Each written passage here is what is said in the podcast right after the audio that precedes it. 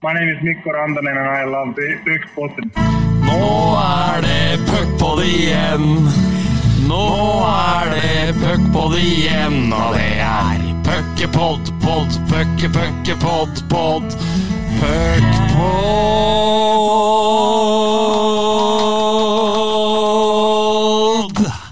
Ja.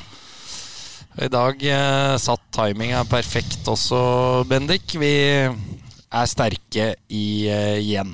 Korrekt, jeg er jo annenstemme som ikke har headset, så jeg på en måte, jeg, jeg spiller jo ut ifra deg. Altså, det er jo, her er det blikkontakt, her er det en give and go, og dette syns jeg gikk ganske ålreit. Ja. Vi er fortsatt uh, i rute, og vi, er, uh, vi følger kalenderen. Tilbake to uker etter forrige pod. Så nå er vi så sterke på planlegging at jeg er nesten usikker på hvordan dette skal gå.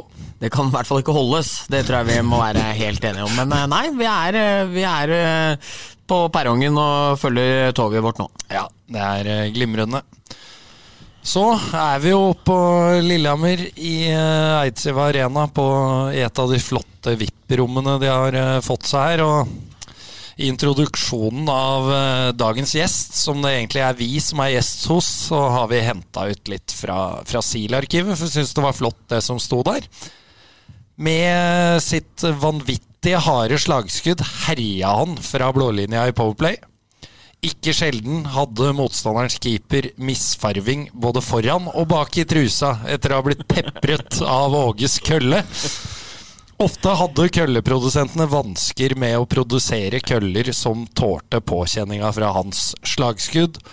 Og under OL i Sarajevo i 1984 skjøt han sågar målet ut av stilling med et skudd fra blålinja. Takk for at vi fikk eh, komme, Åge. Jo, takk for eh, at jeg fikk komme. Det her blir jo spennende. Det er ikke som jeg sa da dere kom, at eh, jeg er vel ikke så attraktiv lenger i forhold til dette her, men det er jo hyggelig for, en eldre herremann å være med på dette her òg. Jeg regner med at du ikke har eh, full kontroll sjøl på om du misfarga trusene til motstanderens keeper verken foran eller bak, men er det, så det skal du slippe å få verken bekrefte eller avkrefte. Men er det korrekt at du skjøt målet ut av stilling i Sarajevo i 84? Jeg veit ikke. Det er, det er, som sånne Jeg hører sånne historier før uh, som dere har hatt. Jeg er ikke helt sikker på om den uh, stemmer, men uh, det er som jeg sier til mange, at du hører mye rare historier, og de blir bare dratt mer og mer på dess lenger unna det blir. Så ja, Det er vel ikke så mange som, var, som, som husker det der, men jeg, jeg kan ikke si at, jeg, at, det var, at, det stemte. Det tror jeg ikke. Så sånn sett var det litt dumt at vi kom hit nå og fikk avlive, avliva myten? Ja, kanskje det. det, er jo, det er jo en drøy påstand. Uh, for vi har jo ikke Det er klart nå er måla festa på litt annen måte enn de var i, i 1984, men uh, jeg har aldri sett eller hørt om det noe annet sted, Bendik. Nei, en liten gummipuck. Det skal litt til å klare. Da, må, da tror jeg du må skyte sånn 10 000 km eller noe, hvis du skal begynne å få den til målet til å røre seg. Ja, Enten så var målet veldig dårlig festa, at, at det sto bare oppå isen. Så ja, nei. Men uh, slagskuddet, det var hardt. Det kan vi konkludere med. Den kan du ta. Den kan jeg ta. Jeg tror at jeg Eller jeg, jeg jobba jo mye med det. Det var en av de Det er som jeg prøver å lære de unge spillere i dag. Som jeg sier at hvis du har noe du er veldig god på, så kan det være en fordel. Og det gjorde jeg sjøl. Og følte at det var en ganske sterk side jeg hadde da, som spiller. Ja, Det er det ingen tvil om. med den, den røveren der, får vi kalle det, etter å ha fått det avkrefta. Men vi fortsetter med røvere, Bendik. Og det er jo som alltid nok å ta av når vi får inn disse gamle heltene i, i studio. Definitivt. Og Historien vi skal få om Åge, den uh, kommer også fra en uh, gammel helt. Det er vel Tor Nilsen som, uh, som er mannen bak det vi nå skal få servert. Ja, og så er det Da avslører vi kilden denne gangen, men vi må nesten gjøre det med vår kjære, gode Tor Nilsen. Og som du sa på vei opp her, Erik, at det for en av få gangers skyld, når han ikke prater om den kvartfinaleserien i 2011, så er det noe annet han prater om, for den hater han jo ikke å prate om, men nei, for, Det forteller han hver gang han har mulighet. Ja. Og også når han ikke har mulighet. Ja, så her fikk jeg i hvert fall spurt noe om Åge. så han klarte ikke å vri den inn på den kvartfinaleserien i 2011. Men Nei, vi vet jo det at uh, Lillehammer har jo hatt et uh, tett forhold til Tsjekkia. Dere har jo vært mye der på somrene, dere har hatt uh, mange trenere derfra. Thor mener at den store grunnen til Lillehammers tette forhold til Tsjekkia er at du er en jævel på å kjøpe billig krystall. Så derfor skal du på død og liv nedover dit. Er det riktig, Åge? Det veit jeg ikke, men det, jeg har kjøpt krystall når jeg har vært i Tsjekkia, så det har hun for så vidt rett i. Men det er vel ikke bare derfor vi drar til Tsjekkia, det er vel mest for det sportslige. Og så er det sånn at det er kombinasjonene på det, men eh, det er igjen tilbake til eh, utrolig hva folk lager historier ut av. Så han er jo litt, han er jo litt morsom, da. Så det var jo det. For det hevdes her at nå, nå sist nå har du kjøpt så mye krystall at du til slutt måtte bygge ut huset. Er det korrekt? Jeg har bygget på huset flere ganger, vet du, så blir det masse sånne kombinasjoner. ikke sant? Og Da greier folk å dra de historiene de vil. Og folk er gode til å lage historier og prate. Det er jo når de er gode på, så er det jo det. Nei, men det er bra. Ja, ja, men den sto seg ganske godt. Ja, det syns altså. jeg. Krystallhuset nede hos Åge der. Ekstra rom. Ja, vi, vi får gå til, til starten da, Åge. Vi snakker litt om det, selv om vi naturlig kommer inn på, på Storhamar etter, etter hvert. Du starta vel i forward, er det riktig, eller? Det er riktig. Fortell oss litt om, om starten på karrieren. Hvordan, hvordan det blei hockey når du fant ut det. Ja, det er et godt spørsmål. Jeg bodde jo på Vålinga. Vålengata, Ettersjøgata. 50 meter unna Sotahjørnet. Trikken gikk én meter unna hodeputa. Vålinga skole. Vålingaparken. Alle spilte hockey og fotball. Så det naturlig ble det selvfølgelig hockey og fotball. Så ble det hockey etter hvert. Vi var en sånn kameratgjeng som egentlig dreiv hverandre veldig. Så det var vel gjennom det. Lærere som var skolehockey på den tida der. Som, så var gjennom de tingene der. Da. Jeg og Ørjan Løvda var jo bestiser. Spilte hockey døgnet rundt. Holdt på i Vålerengaparken. Ja. Så ble det forward. Der var det ledere som var veldig interessert. Og ja, vi hadde bra ungdomslag. Var bedre enn Vålinga på den tida der. Derfor så ble det liksom forward, som, som jeg spilte til jeg var 17, vel. Ja. Så det var grunnen til at det var forward og ikke Vålinga Ja. fra barnsben av? Ja, de fleste liksom på Vålinga skole der var jo ja, pluss noen andre som ja, Petter Thoresen, som, ja, eh, Øystein Jarlsbo, Bjørn Kolsrud ja, Det var flere som, eh, som var der, da. Som, eh, og da ble det liksom forvard. forward. Da. Hvor god var Øystein Jarlsbo? Ja, han var bra spiller når han var eh, yngre, han. Og eh, spilte på, ja, du vet, han spilte jo på landslag og juniorlandslag. Og, ja, så han var en bra spiller. Flink til å trene og seriøs det er helt fra tidlig alder.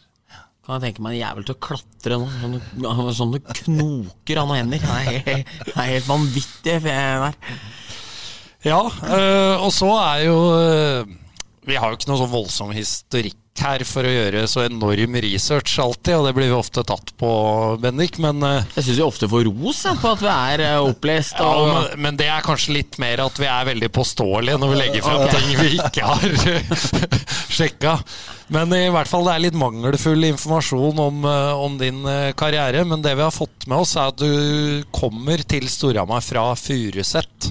Var det noe annet i, i miksen der mellom forward og Furuset, eller? Nei, jeg var tre år i, i Furuset. ble norgesmester siste året. Eh, og så flytta jeg til, eh, til Hamar, da. I 83 eller sånn, var det. Hvor da Storhamar var vel egentlig et Det var vel ikke noe stort lag på den tida der, men eh, gjorde en satsing da. Med, hadde veldig bra ledere. Eh, Med Per Magnar Klomstad, Arne Vestrum. En del sånne folk som tok tak i en del ting. Da. Det, det syns jeg var veldig spennende. Eh, Så blei det at jeg valgte Hamar. Hadde lyst til å gjøre noe annet eh, på den tida der. Var jeg, var jo ikke gammel, 18-19 år. Um, så jeg var liksom litt sånn nysgjerrig. Jeg har alltid vært sånn og hadde lyst til å prøve ting. Og ja, da syns jeg Storhamar var veldig interessant på den tida. De skulle gjøre en bra satsing. Og ja, det falt det som er naturlig, da, å, å prøve det. Var det ikke stusslig å være 18-19 år Oslo-gutt og så flytte opp på landet? da? Det var ikke superurbant på Hamar da? Det var ikke, men eh, jeg var opptatt av å, spille hockey. Eh, jeg hadde jo en veldig bra posisjon i Furuset. Jeg var liksom ung og kaptein på laget. Ble norgesmestere. Men allikevel så hadde jeg lyst til å gjøre noe annet. Og jeg, liksom, de ledere på en måte Jeg syns de hadde liksom noe på gang. da Altså klubben og det var veldig sånn driv. Morten Lillehagen var med der. Og det var liksom mange personer da, som, som, som jeg syntes var veldig sånn positive til å skape noe. Og da tente jeg på det og har lyst til å prøve det. Eh, noe jeg ikke angrer på. Jeg hadde veldig fine år der. Ja, så er det jo faktisk da den eneste spilleren i Storhamars historie som har blitt drafta da mens du er eh, på Hamar. I hvert fall ifølge SIL-arkivet, så vi får ta det for god fisk. Eh, det er ikke så verst, eh, det. Nei, det er ikke det jeg var vel på en måte Det var sånn eh, Det var liksom den tida der, du, var det var ikke mobiltelefoner, og da det liksom eh, Da kom det i brevpost, liksom. for brev fra Edmundton Oilers. Det var litt sånn I alle dager, hva er dette for noe, tror du? Liksom. Selv om jeg, jeg, jeg alltid på trodd på det jeg gjør. Så jeg har Når jeg var ung, så hadde jeg alltid en drøm om å spille på det høyeste nivået. Jeg har alltid trodd at jeg skulle kunne klare det. Uh, og det tror jeg også gjorde at jeg fikk den muligheten. Da, gjennom, jeg ble drafta, jeg var i junior-VM et år, uh, som jeg gjorde ganske bra. Uh, og så ja, var det en finsk scout som hadde sett meg i masse matcher, og så, ja, så ble jeg drafta. Og det var gøy. Jeg var jo der, reiste over og var der i fem uker, vel. spilte tre-fire matcher. Så det var, veldig, sånn, var en opplevelse. Hvor nære var du, føler du sjøl? Jeg føler at jeg gjorde det veldig bra når jeg var der. Eh, det var jo sånn at jeg, jeg spilte de matchene eh, Fikk vel på en måte en De ønska at jeg skulle være der, spille i Farmerlaget og kjempe om plassen. De hadde jo et bra lag det året, vant Stanley Cup. Så det var et bra lag. Eh, men jeg følte at det, det, som var litt utfordring for meg den gangen Der var ikke noen agenter og ingen til å hjelpe. Jeg dro helt over helt aleine. Jeg, jeg, husker jeg dro Mutter'n og fatter'n kjørte meg til uh, Fornebu den gangen. Uh, da skjønner du hvor lenge siden det er. Og så dro jeg over, og I London så møtte jeg Yari Kuri og Esa Tikkan og han herre Scoten. Så møtte jeg dem og dro videre sammen med dem og liksom blei kjent med dem. Det var jo ganske kult. Det var jo det var liksom, for de, Den gangen så var det ganske stort. Eh, så da dro jeg over og var der de første dagene. Trente med eh, Farmerlaget. Så var det en dag som jeg fikk plutselig en eh, telefon opp på rommet. At vi må gjøre klar til match. Kevin Dinin er skada, så du kan spille i kveld. Ja, tenkte jeg gjøre meg klar til match, jeg. Jeg var jo klar. Og så ja, tenkte jeg liksom her blir det sikkert litt folk og ja, stemning og sånn. Da tenkte jeg Opparming, og der var det liksom greit. Og så plutselig kom jeg ut, eller matchen begynte, var 16 000 på tribunen og fullt trøkk mot Cagley Flames. Det var liksom eh, det var liksom opplevelse. Men det som var utfordringa for meg, jeg skal tilbake til at jeg var 4-25 år den gangen. Hadde jeg vært yngre, så tror jeg kanskje at jeg hadde vært der og, og tatt opp den kampen. Um, så jeg sa det til dem at uh, hvis dere vil på en måte ha meg, så, så får dere komme med et, et konkret tilbud. Uh, jeg fikk ikke det da. Ønska å ha meg tilbake året etter. Uh, hvor det da Da ville de ha meg over på ny camp. Da sa jeg at hvis dere bør ha sett meg nok til at jeg For da spilte jeg jo i Sverige, spilte i Bjørkeløven. Mm. sånn at jeg um, Har dere noen planer om meg, så ja, da, da får du komme med tilbud. Jeg eh, fikk ikke noe da, jeg, men jeg tror kanskje veien jeg burde ha gått, det var jo Hadde jeg hatt hjelp og agenter og sånn, vært gjort det smartere valg, så hadde jeg kanskje fått et, et, annet utfall. Men eh, sånn var det den gangen. Jeg følte at jeg gjorde det bra. Jeg fikk god tilbakemelding av trenere og, i matchene som var der. Så, men eh, det er en opplevelse uansett. Da. Så det viser at det går an. Men det var Gretzky-æraen og full pakke da? Gretzky ble trada, så han var ikke der da. Ah, okay. Så han dro til Los Angeles. Ok, Den sommeren der, eller? Mm. Så Gretzky ut, Åge inn. Ja. Hadde det gått, det? Det hadde vært en overskrift å ha på peishylla. Ja, ja, ja, skjønner du.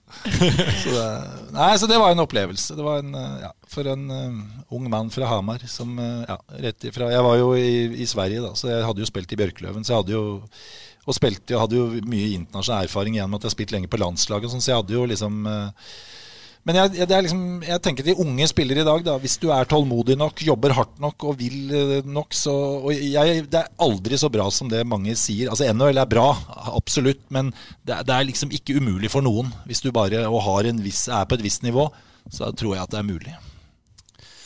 Det, jo, det var jo en litt annen tid i NHL eh, det her eh, enn hva det er nå, eh, når vi tenker på spilleregler og, og sånn. Du er jo en uh, stor mann med, med hardt slagskudd. Eh, Hvor, hvor tøft var uh, den, fysiske biten når, du var over på, på camp? Det var jo tøft. Men jeg spilte jo ganske hardt sjøl, så jeg var jo liksom ikke Og det er liksom den derre frykten. Jeg hadde aldri noe frykt for noe. Jeg, jeg, jeg, liksom, jeg tok det bare som en utfordring, alt. da. Jeg syntes det var dritgøy, bare. Og det tror jeg liksom er eh, For var jo Da var det jo liksom eh, Nå er det jo litt kakk på hanskene og litt eh, sånn i forhold til hektinger og det ene med det andre. Det var litt sånn en helt annen verden, på en måte, sånn sett, da, i forhold til regler. Men det gikk fort nok da òg, ikke sant. Altså, det, er jo, det er jo tempo og fart, det er jo det, og, selvfølgelig teknikk òg, men ja. Så det er jo endringer sånn sett, da, i spillet.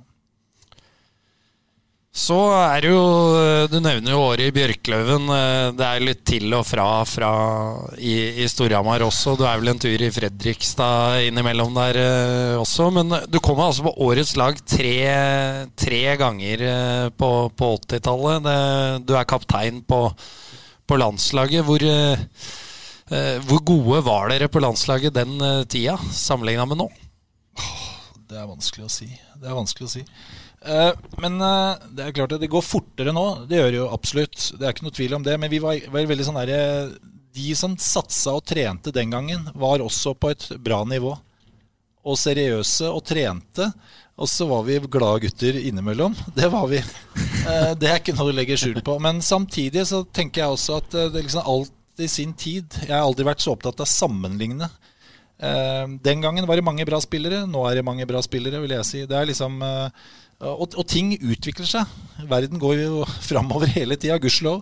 Så jeg tenker at det er eh, der. Men det var liksom en fantastisk tid hvor norsk hockey var liksom først ned. De gikk jo helt ned i C-gruppa, så vant vi B-gruppa. Så gikk vi opp i A-gruppa. Så vi hadde en fantastisk reise gjennom det. da. Så det var jo en eh, vanvittig opplevelse. Alle de tingene der med BVM på hjemmebane og fullt trøkk, det var, det var, det var gøy. I 89, er det riktig? Ja. Ja. Mm, mm. Med, med den berømte sangen. Ja. Fryktelig ja, ja. Heia Norge. Men eh, verden gikk jo også framover på, på Hamar, eh, selv om du var litt eh, til og fra. Det, det var jo brukbar hockeyfeber eh, i, i Hamar by på den eh, tida du var der. Hvordan var det å være rockestjerne i, i Kongen det på vi kaller palletten. ja, Konge på palletten, ja. Fy faen. Nei, det var jo Altså, det var jækla gøy. Altså, det, det må jeg si. Altså, da vi kom til matchene, så sto jo folk i kø. Det var liksom det trøkket i gamlehallen der. Hvor vi skifta liksom eh, rett rundt hjørnet, du veit, garderoben der, og dem som er kjent med det. Det er liksom, Du så bare folk bare tøyt inn. Folk sto som sild i tønne. Det var det trøkket. Det var, det var, det var veldig gøy. Så jeg hadde, det er som jeg sier, en fantastisk tid der. eh, Med, og, ja, fikk mye gode, gode venner. Og, ja, så det var en, det var en vanvittig fin tid. Og så var vi inne i Olamfin òg. Ja, Det også var jo en sånn der overgang, eh, overgang der. Det var, det, var, eh, det var jo stort på den, på den tida der.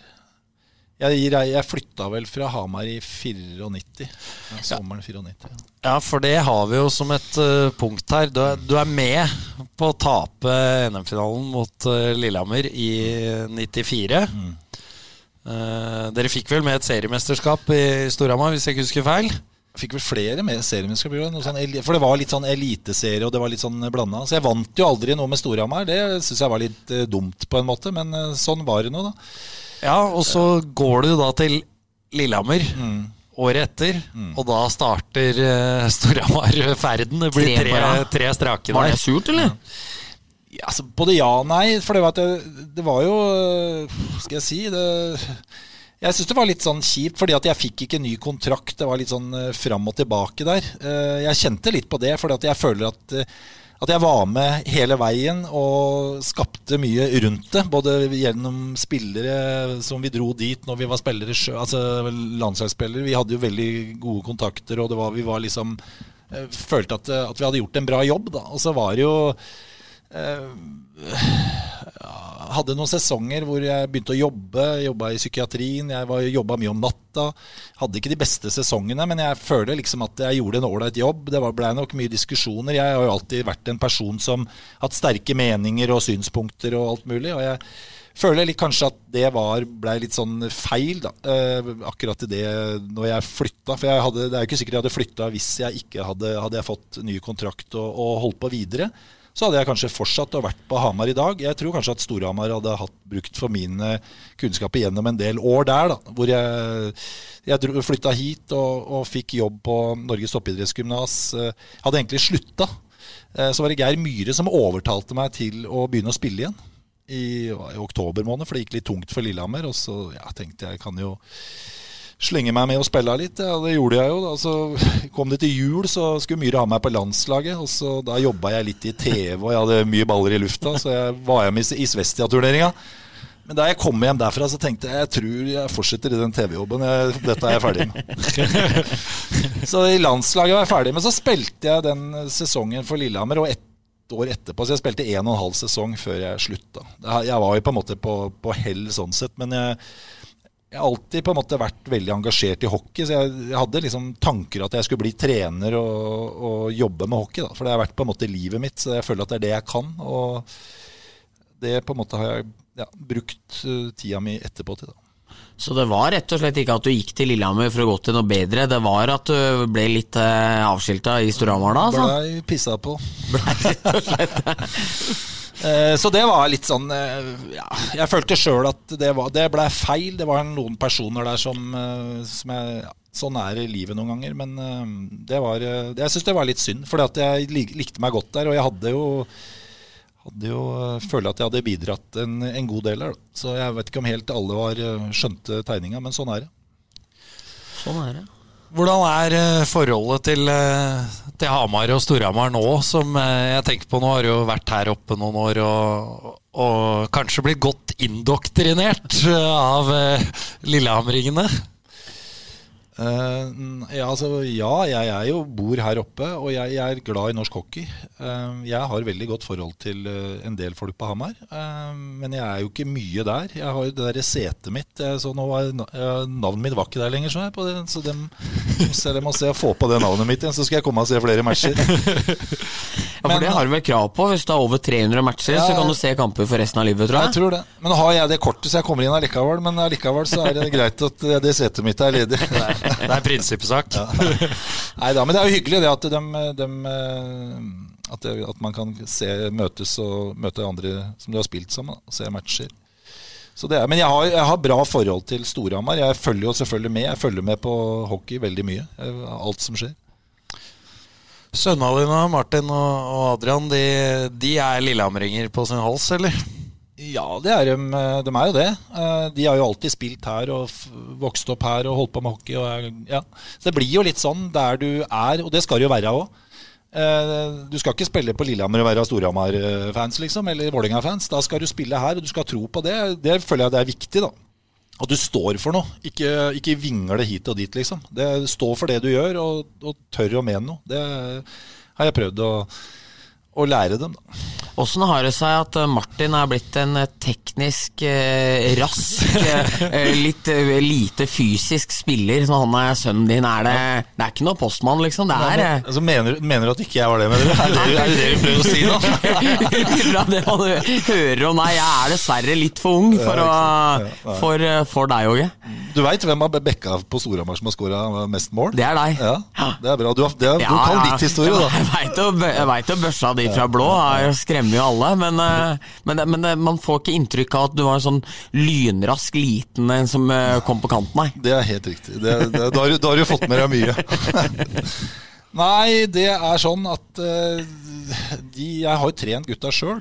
eh, opp gjennom åra. Og vi har jo trent mye teknikk og holdt på med sånne ting. Som, eh, og det har jo gjort at de har fått en, eh, en litt annen type spillerstil enn det jeg har, selvfølgelig. Mens eldste sønn er blitt politiker, er det korrekt? Han er politiker og, Ja. og jurist, så Ja. han er, eh, er ikke engasjert. Han ser på ishockey og er engasj, eller sånn følger med, Ja. men han er ikke noe eh, sånn engasjert i det nå. Nei. Ikke. Nei. Ja, ja, Da kan vi jo eh, komme med litt tall da, fra det arkivet, siden du, du drar det opp sjæl, Åge. Det er 125 skåringer står det her, da, på 318 matcher.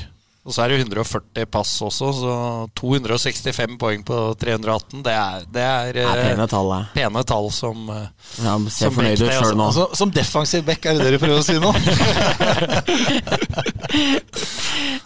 Nei, det er vel, det er vel greit, det. Um, ja.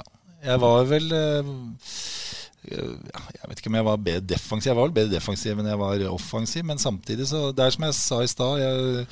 Det er viktig å være god på noe. Um, og det følte jeg at jeg var i forhold til at jeg hadde et bra skudd. Og så ja, var jeg bra i egen sone. Så jeg følte at liksom en del sånne kombinasjoner rundt det da, gjorde at eh, ja, sikkert at jeg har eh, fått litt poeng. Skrapa sammen litt poeng her og der. Det er bra. Eh, Du nevnte i stad at du er en engasjert eh, mann, brenner for, eh, for norsk hockey. Og vi burde jo egentlig satt i gang opptaket idet vi kom eh, inn her, etter vi hadde eh, fått eh, litt tyn for eh, at eh, vi hadde forvilla oss opp hit. Men eh, jeg tenker vi kan plukke opp den tråden, for det var veldig interessant å høre, Åge. Vi, vi snakka da om selvfølgelig om Storhamar og, og den litt tunge høsten de har hatt. Og da satte vi i gang eh, deg for alvor. Da trykte de på knappen, mener du? Ja, så, så nå trykker jeg en gang til. Det er bare å, bare å ytre synspunkta. Ja. Nei, jeg er jo veldig opptatt av eh, at norsk hockey skal tro på seg selv. Altså i forhold til det å tro på spillere som vi driver og trener og utdanner. Eh, Jeg jobber jo sjøl med dette her. Jeg syns jo at Storhamar er inne på den riktige veien i forhold til at de satser på sine egne spillere og prøver å utvikle dem. Jeg tror På sikt så tror jeg Storhamar kommer til å tjene på det. Og bygge opp en egen stamme med spillere. Det tror jeg er den eneste måten å gjøre det på i norsk hockey. Og så kan du krydre det med toppspillere som eh, De er jo heldige å ha eh, Patrick Thoresen der, som er en fantastisk spiller og kan lære de unge gutta det i tillegg. Så de får jo ekstra boost ved å ha en sånn type. Uh, Istedenfor kanskje å ha utlendinger, så har du en norsk spiller som er så god. Og det er det vi ønsker å ha, få sendt flere spillere ut. Men da må vi utdanne dem, sånn at vi kan få dem tilbake igjen og lære sånn som det gutta gjør av, av, av Patrick. Da. Så jeg syns jo at Storhamar gjør det helt riktig. Og så går det litt tøft nå. De har hatt mye skader og, og sånne ting. Men, men på sikt så kommer de til å få betalt for dette her. Og så er det jo litt sånn i forhold til publikum og sånne ting som kanskje ikke kommer så mye på matcha, men de får jo møte opp allikevel. For det, jeg tror at de kommer til å få betalt for det her på sikt. da. Ja. Uh, Bendik, det har jo vært noen saker uh, den, uh, de siste dagene, senest eh, i går, da, med, med Stein Onsrud som eh, styreleder, hvor, eh, hvor klubben uttaler seg litt om, eh, om disse tinga. Nå, nå veit jeg at du er en nøytral journalist, så du, du skal jo ikke mene så mye, men du kan si litt rundt deg allikevel, fra, fra et profesjonelt standpunkt. Ja da, og jeg tror jo Åge er inne på veldig mye riktig her. Det er på en måte som man etterlyser med tanke på det litt sviktende engasjementet rundt klubben. Jeg vet at mange supportere føler seg litt svikta av Mats Hansen etter det første intervjuet som ble gjort der, der han eh, med rette sier at han har mer kompetanse enn supporterne, for det er det ingen som lurer på. Men jeg tror nok kanskje mange savner litt eh, måten man går ut og greier ut om hvordan man ønsker at klubben skal drives på, eh, som er veldig interessant. Fordi jeg tror også som Åge at eh, det å ha gode unge spillere som Storhamar har nå, det har førstebekken er Hamar-gutt, født i 2002, og det er førstesenteren også. Du har Patrick Elvsveen, som var helt magisk her på U20 eh, for eh, tre-fire uker siden. Kanskje ikke gått like lett for når han kom tilbake igjen i Storhamar som det gjorde før, men på en måte alle de unge spillerne bærer jo masse mat til bordet for Storhamar i år. Problemet har jo kanskje i større grad vært midtsjiktet på laget. At fra Thoresen, Alholm, eh, Eskil, Sander, så har det vært for stort gap ned eh, til eh, altså de nest beste. Og det er jo der man på en måte har kunne kritisere Mats eller eh, stille spørsmål ved da, eh, de signeringene som er blitt gjort der, og, og styrets plan om hvor lenge man drøyde med Beck-signeringene og den slags. Men jeg tror jo også at det er viktig å ha en god diskusjon rundt det. Uh, som er helt ufarlig. Syns også det er fint at Stein Onsrud stiller opp for oss og svarer rakrygga på en del tøffe spørsmål om det. Og, og sånn er jo eneste måten Storhamar kan slå tilbake på. Så er det jo interessant, som du sa i stad, med opptakeren her som burde vært på på Åge i stad. fordi det er jo mulig det at når du får inn Jakob Nord og Martin Rønhild, som er to i landslagskorpa, to veldig forskjellige spillere, så vil jo det styrke laget betraktelig kontra hvordan det er nå. Og så kommer du tilbake til en evig diskusjon med setter man seg i en vanskelig situasjon som gir nye kontrakter til spillere med lang skadehistorikk, men det blir også en annen diskusjon oppi diskusjonen. Men alt det her er jo ringvirkninger som henger sammen, og som gjør at Storhamar nå er nummer sju istedenfor kanskje nummer to, som de kunne ha vært. Ja. Og så er det vel Vi kan spørre deg, da, Åge. Vi er ganske sikker på å ha vært innom dette i tidligere podder også, men uh, litt av problemet i norsk hockey også kan jo være at det er mange kamper. Jeg sier ikke at vi skal gå ned på antall, men mange av de blir også uinteressante for en del. da. Selv om nå Storhamar har avgitt fire poeng hjemme mot Ringerike og senest ett poeng mot Gryner, så så trekker ikke det de massene som Vålerenga, Lillehammer og Stavanger trekker til, til CC Amfi. Så spørsmålet Åge, er rett og slett er det for mange uinteressante kamper i ligaen? Nei, vil jeg svare på det. Jeg vil heller at flere lag. Ja. For jeg tror at det da blir kanskje i to ender, sånn at vi får med flere i norsk hockey. For jeg tror at, eh, at eh, folk må lære seg til å være profesjonelle i forhold til matchene. Og så skjønner jeg det at det publikum vil se seg ut kamper. Sånn er det jo i alle ligaer uansett hvor du spiller en, så er det liksom er det Manchester City, Manchester United, så er det mer folk der enn det er mot uh, Watford, eller hva det er for noe. Så det er liksom uh, Så jeg, jeg, tror at uansett så tror jeg folk må lære seg til å gå på hockey på en måte og se kamper og elske sporten og like det de gjør, istedenfor at det bare snakker om å liksom, den, den, er så bra, den er så bra. Vi må bli flinke til å snakke hverandre opp, for det er faktisk mange av matchene som er ganske jevne. Lagene er mye bedre, osv. Så, videre. så jeg tror det er litt sånn hvordan du angriper uh, enhver situasjon. Uh, og så tror jeg at uh, norsk hockey er mye bedre enn det mange snakker om. I tillegg.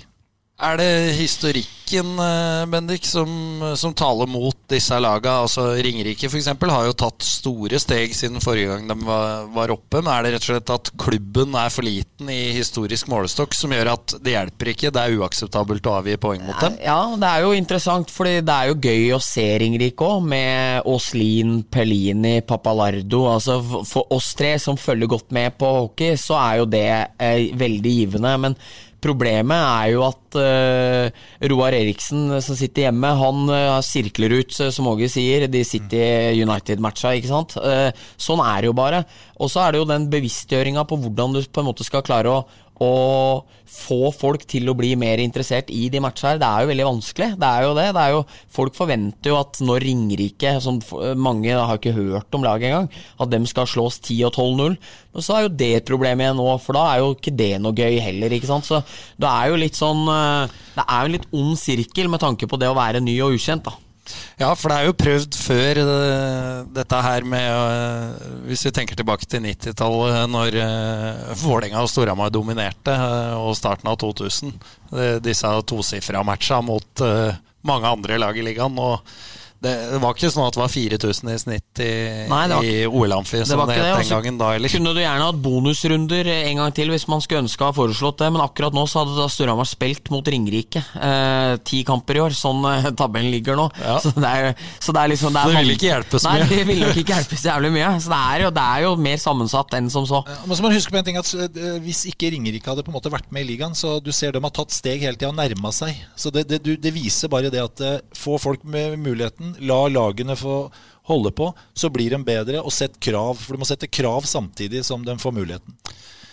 Ja, og vi husker jo tilbake fra vår eh, førstedivisjonskarriere når vi reiste med Furuset til Ringerike når de kom opp i førstedivisjon. Uh, vi gliste jo litt og skulle bort til Sjongshallen og vi, vise dem åssen vi spilte hockey i Furuset Forum. Fikk jo maling Ja, fikk eh, stort sett eh, hver gang. Eh, og vi møtte jo et lag som allerede da, under Martin Borchs ledelse, dreiv ganske proft. Yep. Det var videoanalyser, det var obligatorisk fys. Og ja, for oss som var i Furuset på den tida, så drev vi med helt andre ting enn obligatorisk fys i helgene. riktig. Det er helt riktig. Så, så de har bygd bra Ja. over mange år. Ja. Så jeg syns det er veldig fortjent at Enig.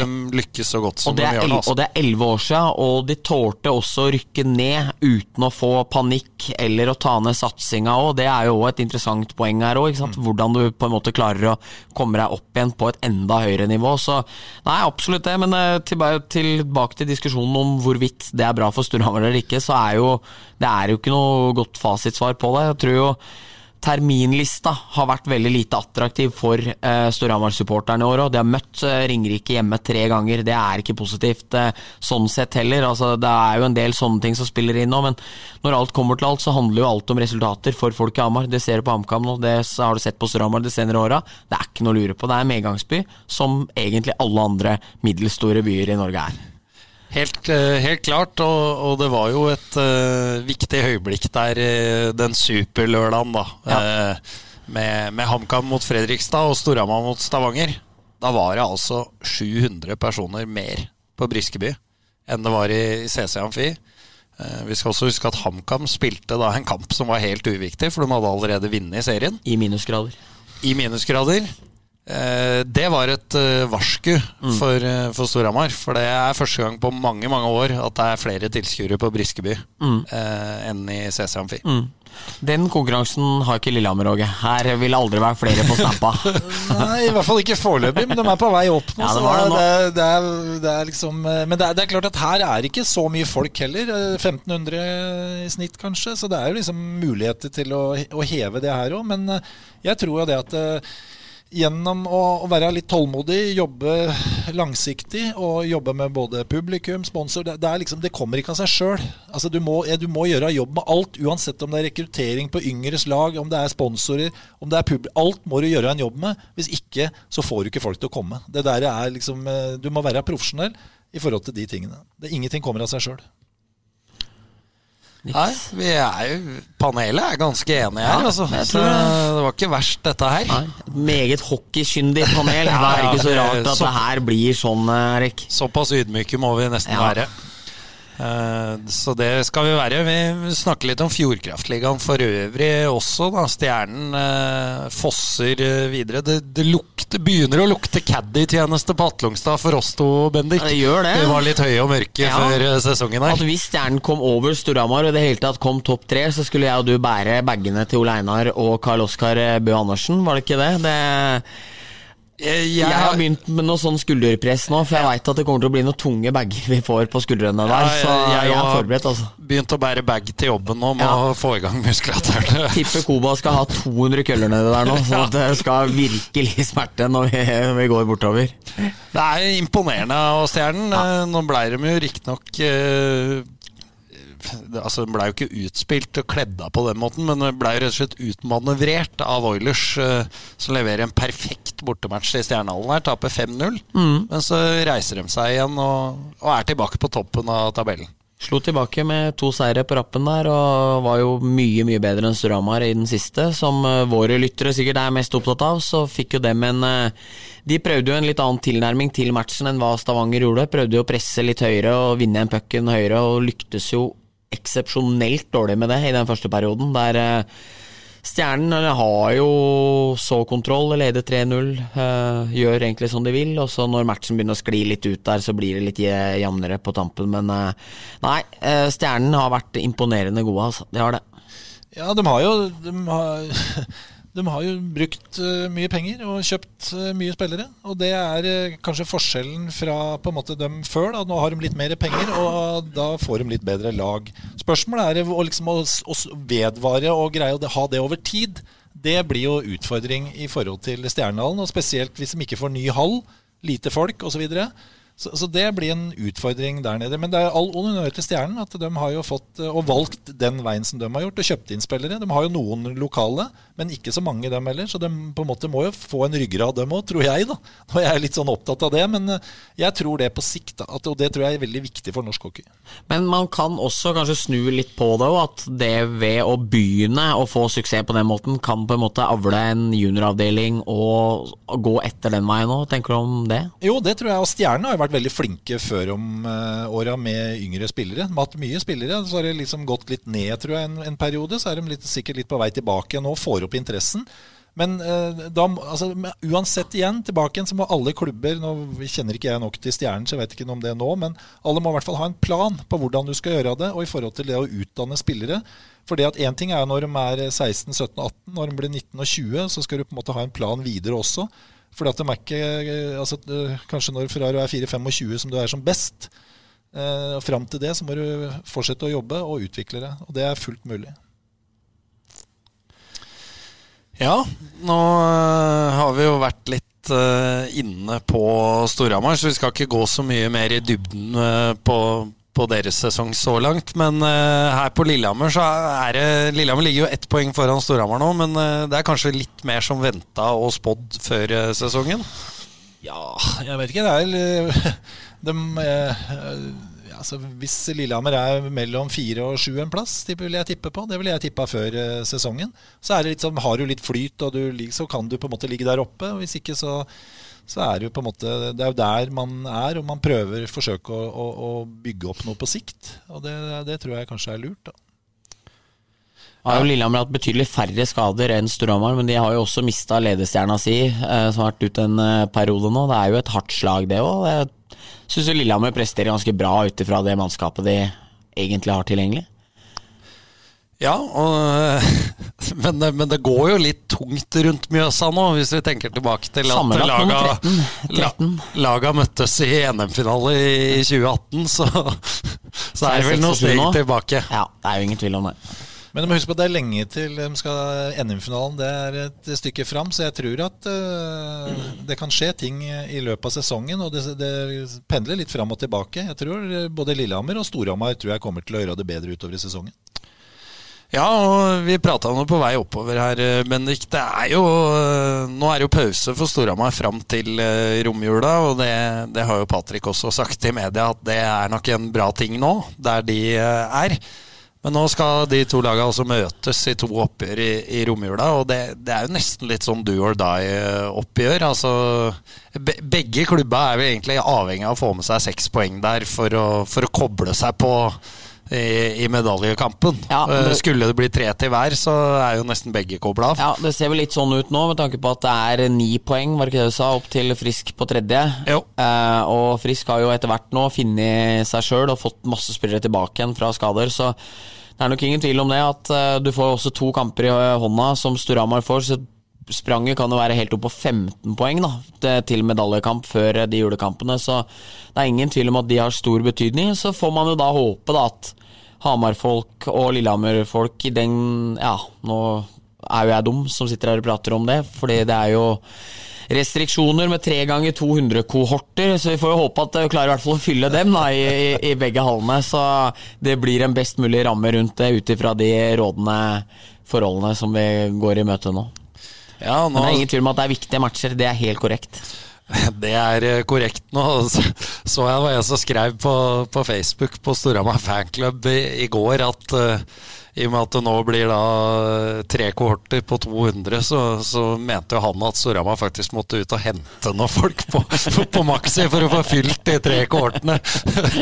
Det, det var kanskje riktig mot Gryner. Ja, det var de ca. tre ganger 200 der, da. Så det er klart, skulle det vært hjemmematch mot Gryner resten av sesongen, så hadde jo ikke dette vært merkbart. Nei. Men uh, litt flere pleier det jo å være, kanskje spesielt i de oppgjørene mot Lillehammer. Stavanger og, og Vålerenga. Så, men uh, det er selvfølgelig fryktelig synd da, at uh, vi igjen skal tilbake. Vi hadde jo et håp om at uh, det var over, men denne pandemien men vi skal ikke bli med i det der konspirasjonstoget nå. Vi har tillit til myndighetene. Nå har de sagt at det er lurt, så da, da hører vi på det. Med mindre Åge nå skal eh, avsløre seg selv som en sånn foliehattmann her. Nei, fy faen, jeg er så lei det der eh, korona at jeg orker nesten ikke å snakke om det. Jeg orker ikke å høre noe mer om det. Vi har akkurat avlyst en tur. Vi skulle egentlig vært i Tsjekkia neste uke på, med treningsleir. Krystaller. Da, ja, skjønner du. Så da, men ja. Med, med, får, ikke kjøpt krystaller til jul engang. Nei, det er hardt slag for deg. Ja, he, hele, eller, ja, Hockeygutta på juniorlaget syns det er kjipt, selvfølgelig. Det er, man hadde gleda seg til tur før jul, så det, blir, eh, det er synd. Men sånn er det. Sånn er det. jeg skjønner jeg. Det begynner å nærme seg de faste spaltene, men eh, vi skal bryte opp litt. Nå har det vært mye seriøst prat her om eh, spillerutvikling og sånt noe. Det er ikke helt vår profil, Nei. Bendik.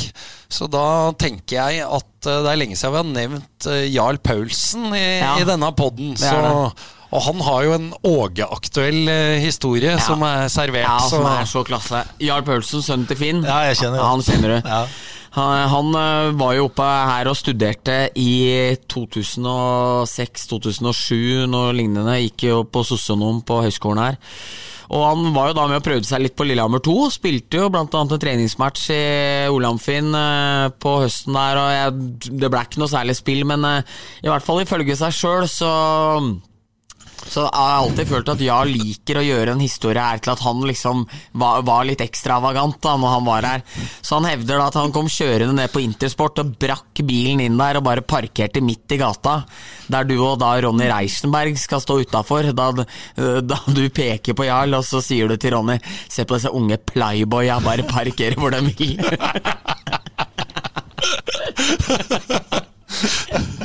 Skulle ha bekreftelse på om det var riktig. For den der har Jarl sagt fortalt om 200 ganger. Ja, det, Unge playboya. ja, det kan jeg ha sagt. Ja, det liksom, jeg drar på litt når jeg skal liksom disse unggutta prøve å være kjekkaser. Så tar jeg dem litt innimellom, og da bruker vi litt sånn eh, ja.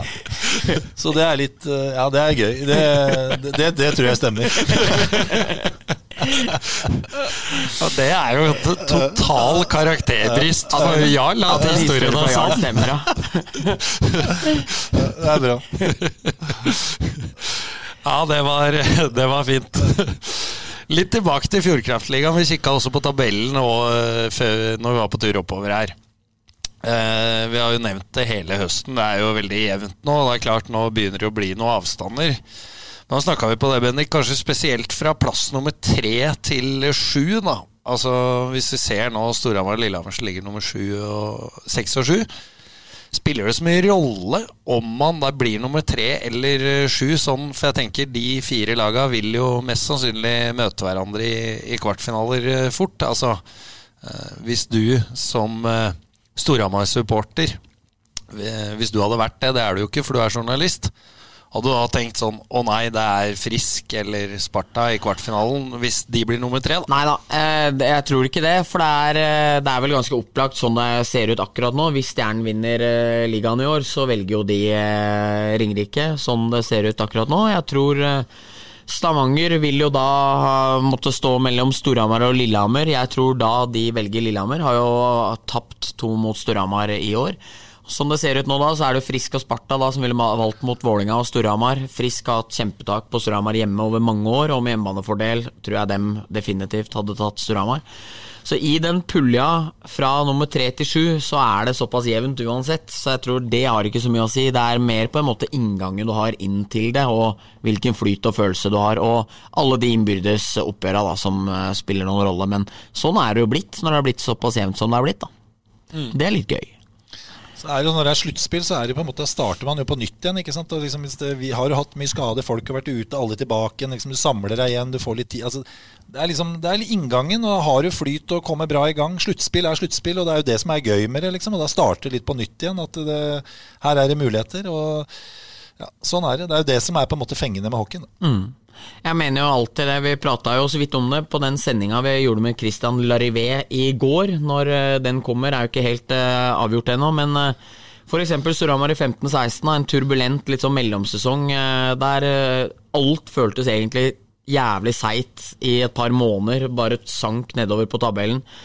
Så mye glede det sluttspillet ga da, når Storhamar slo nedenfra og slo ut Sparta og bøy Stavanger på sju kamper. og Det var jo siste året med Petter Thoresen her. Stavanger hadde skikkelig bra lag. Storhamar hadde nesten ikke spillere. Hadde jo en tredjerekke med Snittalderen var eh, 20 år, og det var stort sett det de hadde å gå på. Så, så det er jo noe å glede seg over, men man må bare klare å bite tenna sammen og komme seg dit. Det er jo litt sånn det føles akkurat nå, for eh, det blir jo ikke noe seriegull i Hamar i år. Det, det tror jeg pent kan si. Det kan vi Da tror jeg konkludere Start må vinne resten. Ja. Og du nevner jo da, vi, vi har faktisk nå gjennomført, da, som vi lova vel i april eller noe sånt, at Ja. vi skulle ha en sending med, med Larivé. Det er nå spilt inn. Eh, 90 minutter. 90 minutter. En, 13 klipp fra TV2 og Viasat og Champions Hockey League og det ene med det andre, så det er ikke bare sånn se maling tørke-TV heller. nei, så det Der igjen må vi være litt ydmyke og si at det det er bare å glede seg til den Ja, eh, sendinga, faktisk. For det ble ganske ålreit. Ja, det Kan være litt ydmyk på. Det, det, det, det må vi få lov å si. Eh, nå blir det jo mest sannsynlig ingen testimonial for Larivé neste uke, som det skulle ha vært. da. Eh, det syns jeg er helt riktig å utsette nå. Kan ikke kjøre inn 600 personer på det. Han det er vel ikke noe historikk for å være fullsatt på testimonialkampa på Hamar, men eh, jeg tror nok dette kan bli den best besøkte noensinne, og det fortjener jo også Larry. Helt avgjort. Så, så jeg må gjerne ta det Vi snakka jo på det i sendinga. Eh, Halla i Hamar har jo is til 15. mai nå. Så litt på vårparten her, etter playoff. Lite telt ute på parkeringa med muligheter for brigg. Ja. Kan bli det helt store, og da skal Åge til Hamar Ja, og så er palletten er lagt ned, Åge. Så det er, Spørs om ikke han åpner den helga der. Nei, men det kan bli en klassehelg, og det, det må det bli. Så det, her er det bare å holde an, tenker jeg, for, for Storhamars eh, del. Yes, da har jeg rast nedover eh, lista, og vi har jo runda 50 minutter også, så da er det kanskje på tide å gå til de faste spaltene. Da, da ble det ikke så lenge mellom historien om Jarl og Ukens røver, men eh, jeg veit du har en godbit til Ukens røver også, Bendik. Ja, jeg har det. Eh, gode venner av oss som var på besøk hos Mats Larsen Mostu da han spilte i Stavanger Oilers. Gutta var der og så på en eh, Gutta var der og så på en eh, Stavanger-Vålinga-match. Stavanger vant, var lørdag kveld, det var full fres ute på halv tolv, alle skulle ut. Disse Hamar-guttene skjønte jo det at eh, hvis man sa at man var fra Hamar og var kompis med en som spilte på Stavanger, så blei det ikke så mye høns eh, der, så det var om å gjøre å være litt kreative. Så en eh, god felles venn av oss, da, som er elendig engelsk, skjønte jo at eh, her måtte han by på eh, et move og kalle seg sjøl Frank, og si at han spilte på Oilers. Det ga full valuta for røveren, og, og der, der, ikke sant, litt shots i baren der og dansing, og så var det hjem, da, og hjem til hun og på morgenen våkner jo der og glemmer jo narrativet sitt litt, ikke sant? Eh, hva, som, hva som lyktes kvelden før, var eh, de, de gode rådene var blitt dyre. Så når vedkommende da drar til litt sånn og sier at 'Å, jeg er så tørr i hersen', så, så, er jo, så er jo Frank avslørt, ikke sant? Så Frank! Snakker du norsk, Frank? Så da, så da var det Da, da blei bruda lura. Så da, da tenkte jeg at siden den er hockeyrelatert, så lenge gutta var hos moster, så tar vi den nå eh, som en liten sånn førjulsvariant. Det er Det ble- vel ikke Blei vel ikke noe da capo på morgenen der når det ble avslørt at eh, Tror det ble taxi rett hjem. Ferdig med det. Så. også med hedmarksdialekt Ja, tørr i. Jeg tror hun fikk med seg et glass vann, og så var det over. Ja, og her, her er det fritt fram, eh, Åge. Er- Her kan du gjerne skyte inn noen storyer, du òg. Så det er Ukens røver, det er, eh, der er det takhøyde. Det spørs om ikke dere får stå for de røvera. Nei, men det var, det var bra, Bendik. Ja, det er noe av det bedre du har hatt på, på lenge, Ja, lenge. takk, og- takk. Og det er ikke fordi det har vært dårlige røvere, eller? Nei, Nei. det er ikke til forkleinelse for de tidligere røvere. Det er, eh, det er rett og slett ros til ja. ukens. Hyggelig å høre, Erik. Tusen takk. Eh, Det var flott. Jeg kjente jeg fikk litt Nesten ble litt tungpusta her, altså. Når jeg tenker på Franken i, i Stavanger der. Vi ruller eh, videre, da. Da er det selvfølgelig ukens blomsterkvast. Og Og ukens kaktus. eh, Jeg syns fortsatt det flyter best at vi runder av med kritikk, så vi kan begynne å, å rose. Og denne uka her så tenker jeg at eh, jeg starter, for det er ikke så ofte. Nei. Så da starter jeg med å dele ut en flott bukett til Tommy Larsen, driftssjefenes driftssjef nede i, i salene på Hamar Vest. Her eh, er det altså eh, den unge jyplingen Andreas Dahl som eh, har blitt bråkjekk med parkeringa bak hallen der A-lagsspillerne parkerer. Litt i, litt i veien for Larsen når han skal kjøre ut snø der. Og Dahl er jo uvitende på bortematch i, i Oslo-området. Husker ikke om det var Manglerud eller Asker. For så vidt uviktig. Kommer hjem da med bussen seint eh, på natta og finner bilen sin nydelig bygd inn i snø av eh, Tommy Larsen. Har tømt ismaskina på alle kanter, og til og med litt oppå bilen. Det er minusgrader, så det har jo fryst også. Det- Dahl får en helvetes jobb med å grave og skrape ut eh, bilen sin. Ja, den er sterk. Det syns jeg er fantastisk gjort av Larsen. Han er nådeløs. Ja, han er det. Han er, han er en gal mann, men han er en stor mann. Så, så var på tide at vi fikk litt Larsen-påfyll etter at han eh, Forrige gang var vel når han avbrøt Ellom Elom og Nummelin Ja. for å kjefte på Djupvik Løvli for at han hadde kasta posesnus i boksen.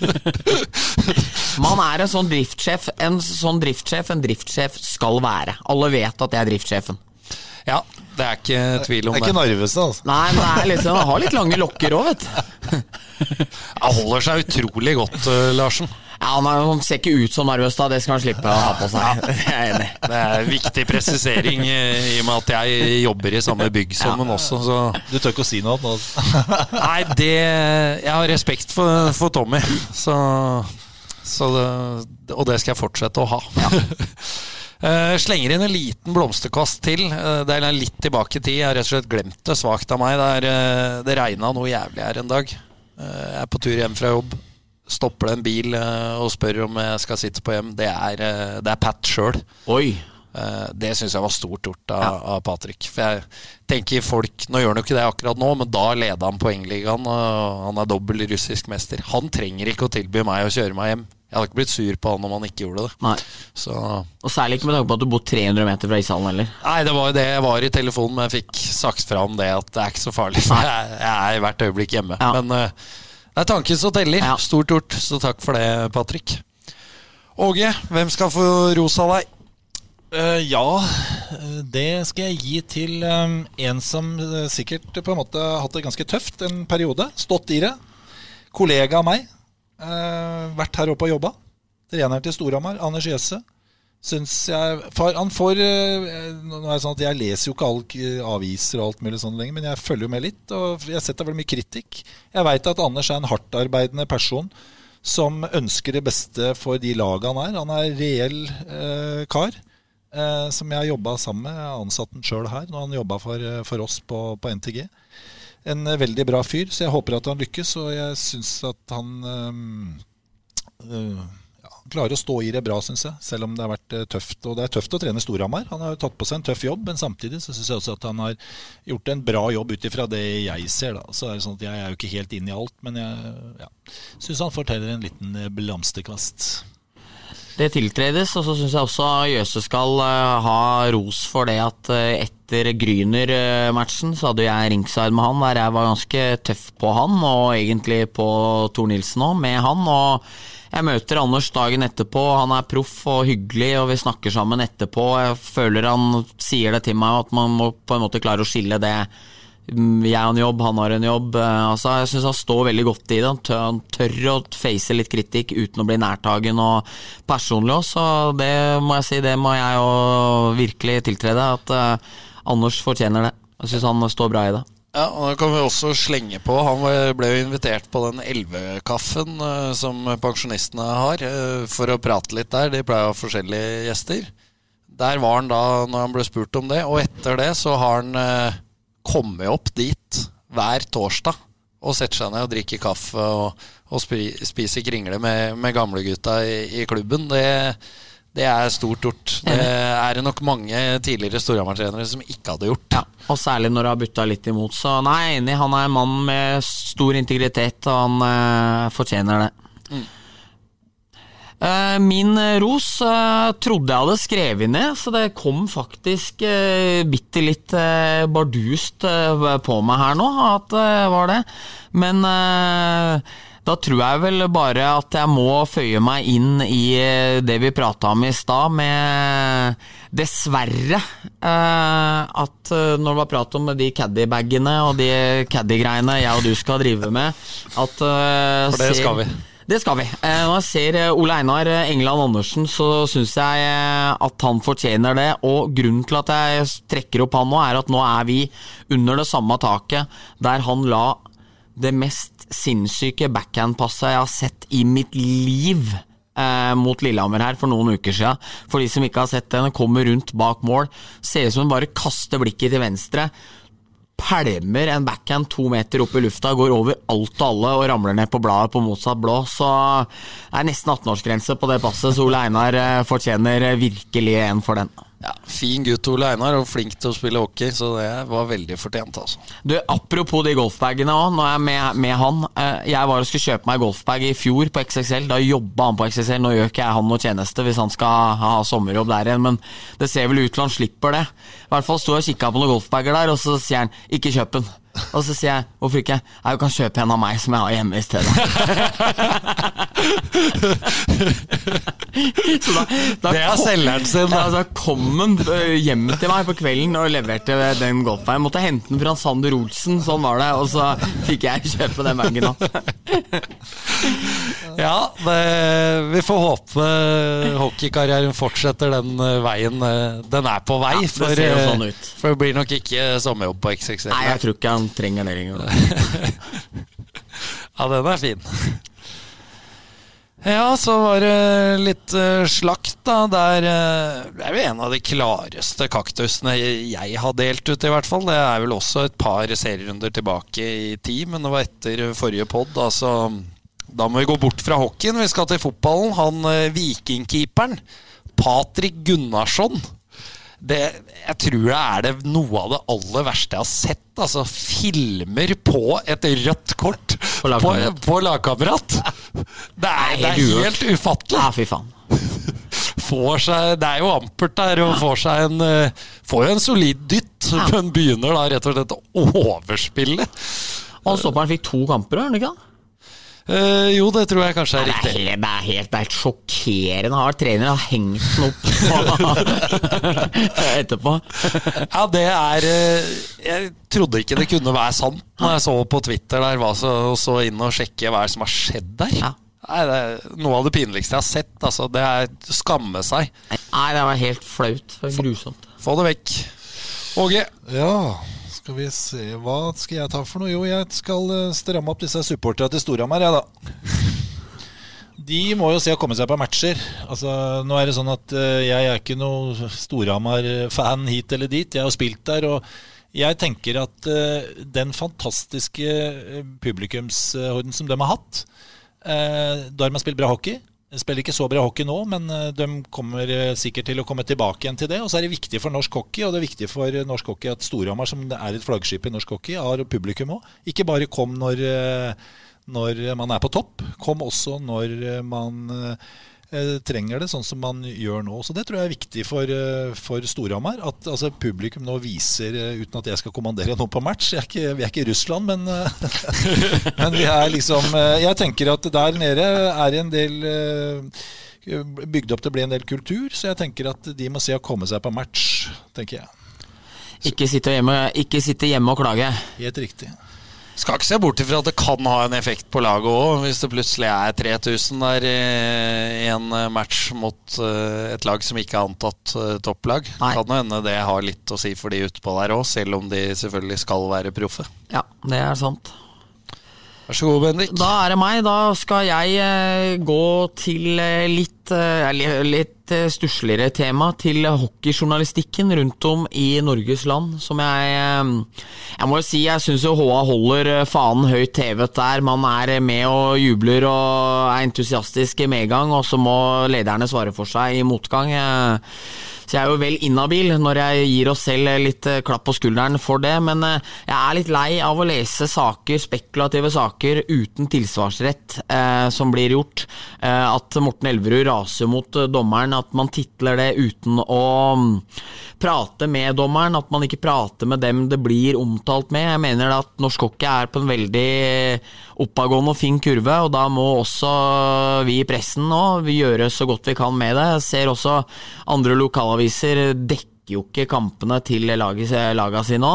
Eh, som igjen eh, genererer færre profiler, man får ikke tak i det. Det er liksom å sitte på redaksjonslokalet og klage på at det ikke er profiler, og så er du sjøl ikke ute og, og prøver å oppsøke dem. Så blir det ikke så jævlig lett å få det til. Så en kollektiv dugnad til alle, at jeg tror alle kan bli enda litt bedre på det. Så den må jeg, det må jeg si. Og det var eh, vel talt, det, som alltid når du åpner munnen, eh, Bendik. Det er sjelden det kommer noe tøv eh, Ja, ut av snakketøyet ditt. Det er helt korrekt. Da begynner vi vel å nærme oss, gjør vi ikke det? Det gjør vi. Vi er kanskje ved veis ende. Det er vi nok. Ja. Tusen takk for at vi fikk eh, komme og besøke deg, eh, Åge. Det har vært akkurat så gøy som eh, vi trodde det skulle bli. Ja, tusen takk. Neste gang håper vi å få se krystallene. Eh, At eh, da er ikke, det er ikke bare her, når når vi har blitt eh, møtt hverandre flere ganger. Takk for at vi kom med, og neste gang så skal jeg invitere dere hjem, så skal vi se på ordentlig krystall. Vi gleder oss.